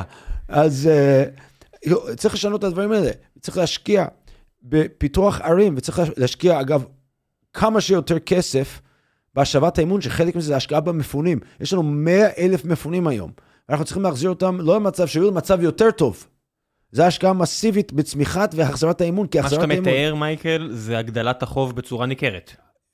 קודם כל תעדוף, בואו נתחיל שם. יש מלא מלא סעיפים בתקציב, כספים אה, קואליציוניים. אגב, צריך להגיד את זה גם ביושר, התקציבים הקואליציוניים הם שק חבטות. יש שם גם דברים חשובים לביטחון המדינה, וצריך להפריד. זה עדיין אזרחים, כן? אתה יודע, אם, אם יש מפלגה שמייצגת, לא יודע מה, חרדים, ערבים, משהו סקטוריאלי, לא, אבל... עדיין אזרחים. כן, אבל זה אי אפשר. זאת אומרת, כל, כל, כל הוצאה ממשלתית צריך להיבחן לפי המפתח שהצעתי. האם זה הוצאה או השקעה? האם זה צריכה או צמיחה? זה הסיפור. ואם זה צריך לפתוח את תקציב 24 ולוודא שחלק מזה יוצר צמיחה לשנים הקרובות, חלק מזה יוצר צמיחה אה, לזמנים הבאים. כי שוב, אני מזכיר, אנחנו גדלים בעוד עיר מודיעין כל שנה. ובשביל זה צריך מיסים. בשביל מיסים צריך צמיחה כלכלית שהיא גדולה בכמה אחוזים מעל הצמיחה הדמוגרפית. אי אפשר להחזיק את כלכלת ישראל... אחרת הכלכלה מתכווצת, תעשו את החשבון, כן. גם בביטחון. גם בביטחון. כי זה הדבר הראשון שאתה תחסוך בו כנראה. מה? כי זה הדבר הראשון שאתה תחסוך בו לא כנראה. לא בטוח שאנחנו נחזור לזה הדבר הראשון עכשיו, אבל כל זה צריך לקרות עכשיו. ואי אפשר לחכות עד סוף 24 לטפל בזה. ועם כל הבעיות הפוליטיות שבאירוע הזה, צריך לפתוח את זה ועכשיו. מי שלא יפתח את תקציב 24 עכשיו, צריך לשלם מחיר כבד. כבד. מה זה אומר, מייקל? כאילו אני, אומר, אני אומר לך שזה חוסר אחריות משוועת של כל פוליטיקאי, כל פוליטיקאי שלא מוכן למות על החרב בשביל לפתוח את uh, תקציב 24. זה עד כדי כך קריטי. זה קריטי לך, לי, לילדים שלי, לנכדים שלי. זה קריטי להם, מה הכוונה? זה קריטי להם. אבל יש פה איזושהי חוסר הבנה... זה... אסור להפסיד לחמאס במערכה, ואסור, אסור להישאר אדישים לא, אה, ולא לפתוח את אה, תקציב 24 ו-25, נגיע לזה. אבל עכשיו, עכשיו, אין זמן, צריך להתחיל לעבוד בזה בצוותים. מי, מי, מי אתה מזהה כבעל ברית, זאת אומרת, בסיפור הזה? אם אתה אומר שזה בטח לא בן גביר, אני, סמוטריץ' זה בן אדם שאתה יכול לעבוד איתו? אני נורא מקווה שכל אנשי ממשלת החירום, כולם, מבינים שזה האירוע. אם הם לא מבינים שזה האירוע, שיעמדו כמו גברים, אין נשים כל כך, שיעמדו כמו גברים ויגידו בקולם שהם לא מוכנים לפתוח את התקציב, שהציבור יסתכל להם בעיניים, יסביר להם מה גורלם. זה אשכרה, זה למעול באמון הציבור לצורכי פוליטיקה, ולא לדאוג לאזרחי ישראל. צריך להגיד את זה. כסף בסופו של דבר, כידוע לך, זה תפיסת עולמי, מניע את העולם. על אמת. אני לא חושב שיש ו... מישהו אחד שיחלוק עליך במקרה הזה. והוא יניע ו... את הביטחון שלנו ואת האמון שלנו במוסדות המדינה ובאחרים פה. בוא נעשה שאלה אחת אחרונה, לפני שנעבור לשאלות מן הקהל, לפני שנסיים. אה, איך אה, בונים מחדש את החברה הישראלית, כמו שאמרת, 2-0, כשאחוז לא מבוטל מהחברה הישראלית זה ערביי ישראל, שיש פה קרע שהוא עצום כרגע. אני חושב שאנחנו לא מבינים עדיין כמה גדול הקרע, שאני רואה את ההתבטאויות של, של ערבים ישראלים שכנראה מוצפים בתעמולה, או שיוצאת האנטישמיות, אני לא יודע מה, אני אומר, הם לא הולכים לשום מקום, אני מקווה שאנשים מבינים את זה, זאת אומרת... Uh, קודם כל, הם לא הולכים לשום מקום, זה בוודאי. חלק מהם חלק מהכלכלה הישראלית, כמו בבתי חולים וכן הלאה. אני אירחתי באלף לפני, לדעתי, שנה ומשהו, uh, הרבה יזמים ערבים ישראלים. גם אז אמרתי להם אותו דבר, ואני אומר את אותו דבר עכשיו. הערבים הישראלים יצטרכו לבחור האם הם חלק מהמפעל הישראלי הציוני או לא. אני מוכן להשקיע ביזם אם הוא חלק מהסטארט-אפ ניישן. רוצה בטובת המדינה, רוצה בטובת היהודים שבמדינה. זאת בחירה. אגב, אני מאמין שרוב, רוב, רוב, רוב רובם של ערביי ישראל רוצים להיות חלק מהסיפור הישראלי הציוני. אני באמת מאמין בזה. אני חושב שכאלטרנטיבה ממש גרועה. לא רק, אבל אני חושב שרובם רוצים להיות חלק, לפרנס את משפחותיהם בכבוד. אני חושב שרף האיומים עליהם, חלק מזה בגלל אוזלת ידה של uh, רשויות הביטחון ומשטרת ישראל, uh, ישראל וכדומה, אבל לא רק, uh, הוא מאוד גבוה, והפחד שולט. אבל הם יצטרכו, אמרתי להם את זה גם לפני שנה, אפשר לשאול את כל מי שהיה בחדר, לקבל החלטה עם אומץ. זאת מדינת ישראל. היא פתוחה בפני כל בן אדם אה, שרוצה להיות חלק ממנה ולכבד את החלקים האחרים, במיוחד את הרוב היהודי. אין לנו לאן ללכת. אה, אפשר להיות אה, מוסלמי, אפשר להיות נוצרי, אפשר להיות מאמין, לא מאמין, אבל אתה חייב לרצות בשלומה של המדינה, של האזרחים היהודים שבה. זה תנאי בל יעבור. ואגב, אני אגיד, אני רוצה בטובתם. אמרתי להם את זה גם אז, לא רק אמרתי, הופעתי. כשפתחו את האקסלרטור, את ה-WeWork הראשון בערערה, אני הלכתי, הייתי שם, עזרתי להם, וכן הלאה. אני רוצה שיהיו חלק. באמת רוצה שיהיו חלק. צריך לקבל החלטה. בוא נעשה קצת אה, שאלות מן הקהל לפני שנסיים. אה, מייקל פדר שואל, בעבר כתבת ודיברת שהשקעת במטבעות וירטואליים. האם אתה עדיין חושב שזה העתיד, ואם כן, למה? זה חלק מהעתיד. אה, ונכון, השקעתי, אני עדיין מחזיק ביטקוין. ואיתירים. כן, זה, זה לא פתרון לכל העתיד, וזה לא כל הבעיה, אבל... It's just currency. בסוף זה רק לא. חלק ממערכת בדיוק. גדולה הרבה יותר. בדיוק, והוא היחיד שהוא פרוגרמבל, כן? אפשר כן. לתכנת עליו. ואני חושב שיש תמיד יתרונות לפלטפורמות שניתן לתכנת עליהן. זה אני חושב שהוא יתרון מובנה, כאילו בכל תחום. לכן, כסף או מטבע או בלוקצ'יין שניתן לתכנת אותו, אני חושב שיש לו יתרונות בכמה וכמה תחומים, אז אני חושב שהוא חלק, כן. אה, איך לדעתך אמור להיראות, אמורה להיראות מערכת המס בישראל? האם יותר או פחות מס? אה, האם יותר או פחות מס חברות, ומה לגבי מס רווחי הון? זאת אומרת, דעתך אישית, לא... Uh, קודם כל, ללא כל קשר למה דעתי, לדעתי המיסים הולכים לעלות בש, בשנים הקרובות. כן, אין מה לעשות. Uh, אם. ההכנסות ירדו וההוצאות עלו, אין, חוכמות. זה אחד. מבחינתי, מס הוא גם חלק מנרטיב. כתבתי על זה לא מעט בספרים שלי, מי שרוצה לראות ב... במאמר האחרון בספר שבט שואג, אני כתבתי על זה לא מעט, אה, גם המס ירושה ודברים אחרים. Uh, מס רווחי הון צריך להיות תחרותי עם כל העולם. בכל העולם מקובל, לטוב ולרע, זה לא משנה, שמס רווחי הון הוא נמוך יותר ממס הכנסה. אני חושב שזה נכון, אבל אני יכול לקבל את הטענה ההפוכה. אבל אם אתה רוצה למשוך משקיעים, אתה צריך להיות תחרותי עם, עם כל העולם. אני דווקא בעד, אה, עכשיו, לא שאלת על הש... את השאלה הזאת, אבל אני בעיקר חושב שרוב ההטבות, חוץ מלאנשים באמת אה, מעוטי אה, יכולת וכישרון מעטים, שהם ממש מאותגרים, בעיות בריאות וכן הלאה, רוב ההטבות, או מה שנקרא תשלומי העברה, צריכים להיפסק, וצריך לעבור להחזרי מס. אה, עידוד, אומרת, עידוד תעסוקה ועידוד אמת, יצ, יצירה ויצירת ערך. מה שנקרא לפעמים מס הכנסה שלילית, כן. או וכן הלאה. אני חושב שזה צריך להיות התמריץ העיקרי, ואני חושב שאנשים שהם בעלי יכולת, נכון שישלמו יותר מס אה, לאורך זמן, מבחינת אה, אה, מס ירושה, אף אחד לא יצליח באמת ליישם מס ירושה כמו שצריך בכל העולם, אז אני לא מאמין בו. כתבתי מיליון פעם כבר, לדעתי, מאמרים, כתבות, טורים וכן הלאה, שאני חושב שאנחנו צריכים לדבר לליבם של אנשים עשירים, שישאירו חלק גדול מהונם להעשרת אה, ההשכלה של אנשים בשכונות שלהם או בשכונות אה, נושקות, אה, שלא שפר עליהם מזלם, שהם יכולים לשפר בעצמם את יכולת ההסתכלות שלהם. כן, עדיף כנראה בשכונות הנושקות, כי בשכונות שלהם כנראה שהכל בסדר, ברוב המקרים. זה נורא תלוי איפה אתה גר, אם אתה גר בעיר זה לא ככה. לא, בירושלים, לא משנה איפה תשקיע זה יהיה טוב. אמת. אבל אם אתה גר בקיסריה, אולי תשקיע באור עקיבא. אמת. אתה יודע, בסופו של דבר... אה, אמת, סביון יכול להשקיע באור יהודה. כן, למשל, אה, זה יהיה, אם אתה גר בעומר, תשקיע בבאר שבע, אתה יודע, כן. כל מיני כאלה. בוא נעשה עוד איזה שתיים, שלוש שאלות וזהו.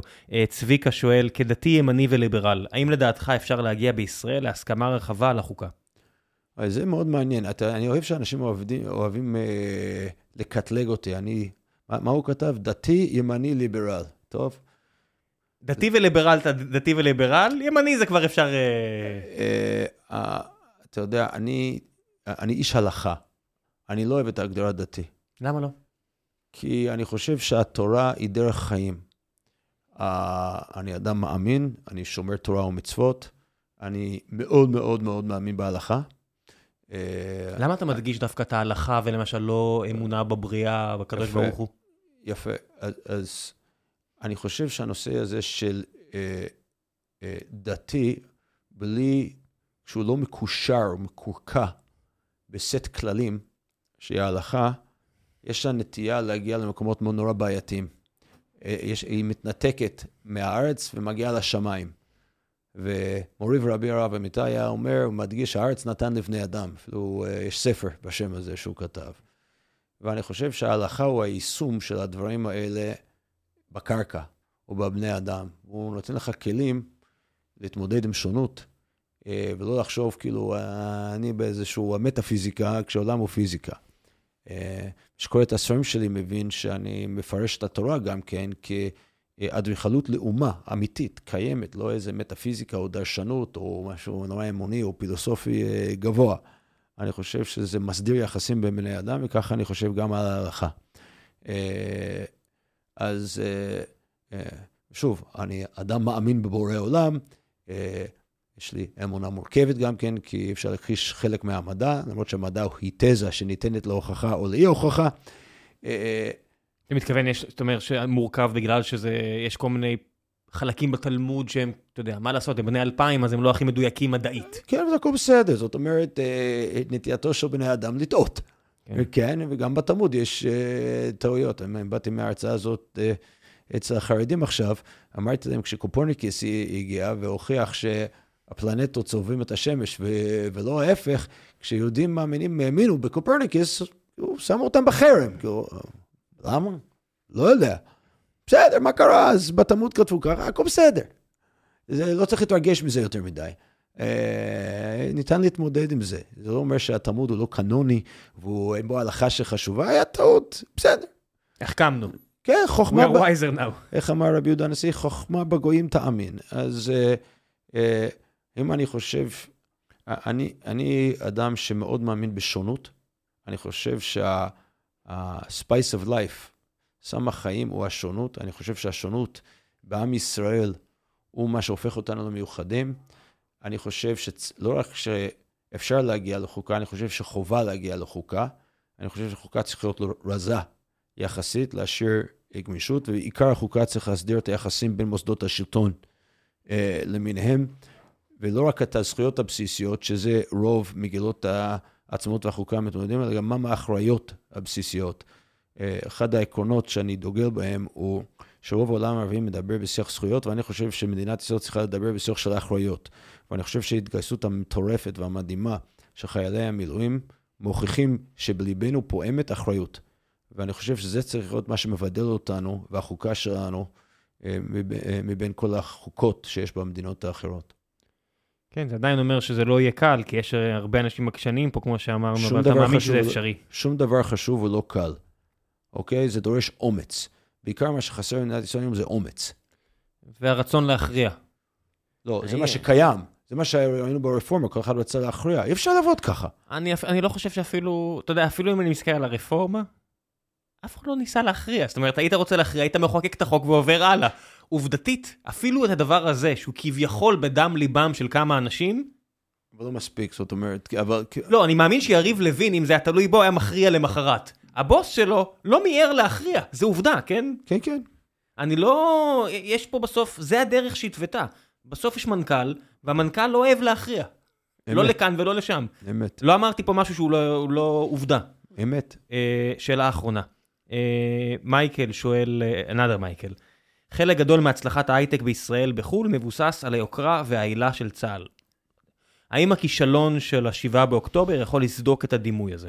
אני חושב שהכישלון של השביעי באוקטובר צודק, אם לא נתקן אותו. הרבה יותר מאשר הייטק. בדיוק. כפי שאמרתי, את אה, מסכת הפחד, או וילון הפחד שהיה פה, והוא נפרץ. ואנחנו חייבים להחזיר אותו. להחזיר את ההרתעה. אה, אה, אני רוצה להגיד גם, מייקל, כל יזם שיותר מדי יסתמך על 4, 9, 8, 1, לא יודע מה, אולי עדיף שיחזור ויבנה מוצרים אה, מאשר יסתמך על איזה עילה. בסדר, אני, מה שאני כן חושב הוא שבעת מלחמה נוצרים פה טכנולוגיות מטורפות, אני רואה את זה על הדרך. ושיתופי פעולה? ושיתופי פעולה מטורפות ומדהימות ומרגשות ביותר. ואני חושב שאנחנו הולכים להיות מופתעים מאוד מאוד מאוד לטובה. מהיצירתיות והתושייה והטכנולוגיה שיוצאת מהמלחמה הזאת, ואני חושב שזה יחזיר אה, במהרה את ההייטק הישראלי. אני יותר דואג על החלקים האחרים בכלכלה הישראלית. אה, חלק מהם אה, סומכים על העובדים זרים, בנייה, חקלאות, אה, מה קורה למפעלים שניזוקו אה, בעוטף אה, ישראל ומקומות אחרים, אה, מה יקרה אם לא יחזרו אנשים לבתים שלהם. אה, אגב, סתם פותח סוגריים, מי חושב דרך החור של הגוש על מיגון בתי ספר?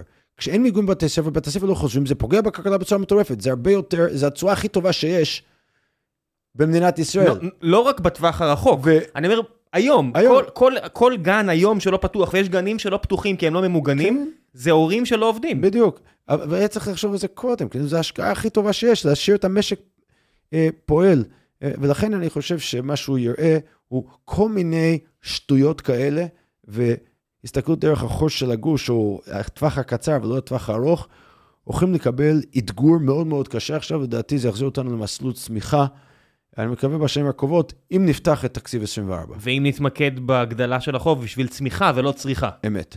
כן, כי נורא קל להשתיק מחאות וחוסר רצון. בפופוליזם. בפופוליזם וצריכה. אמת. אסור לקבל את זה. גם אם, אמת. גם הכי קשה זה להגיד את זה כשאתה זה שמקבל את הכסף. זאת אומרת, להגיד לאנשים שיקבלו את הפירות ולהגיד להם, לא טוב, אתם צריכים לחשוב על הפירות שבוע הבא ועוד שנה. אמת.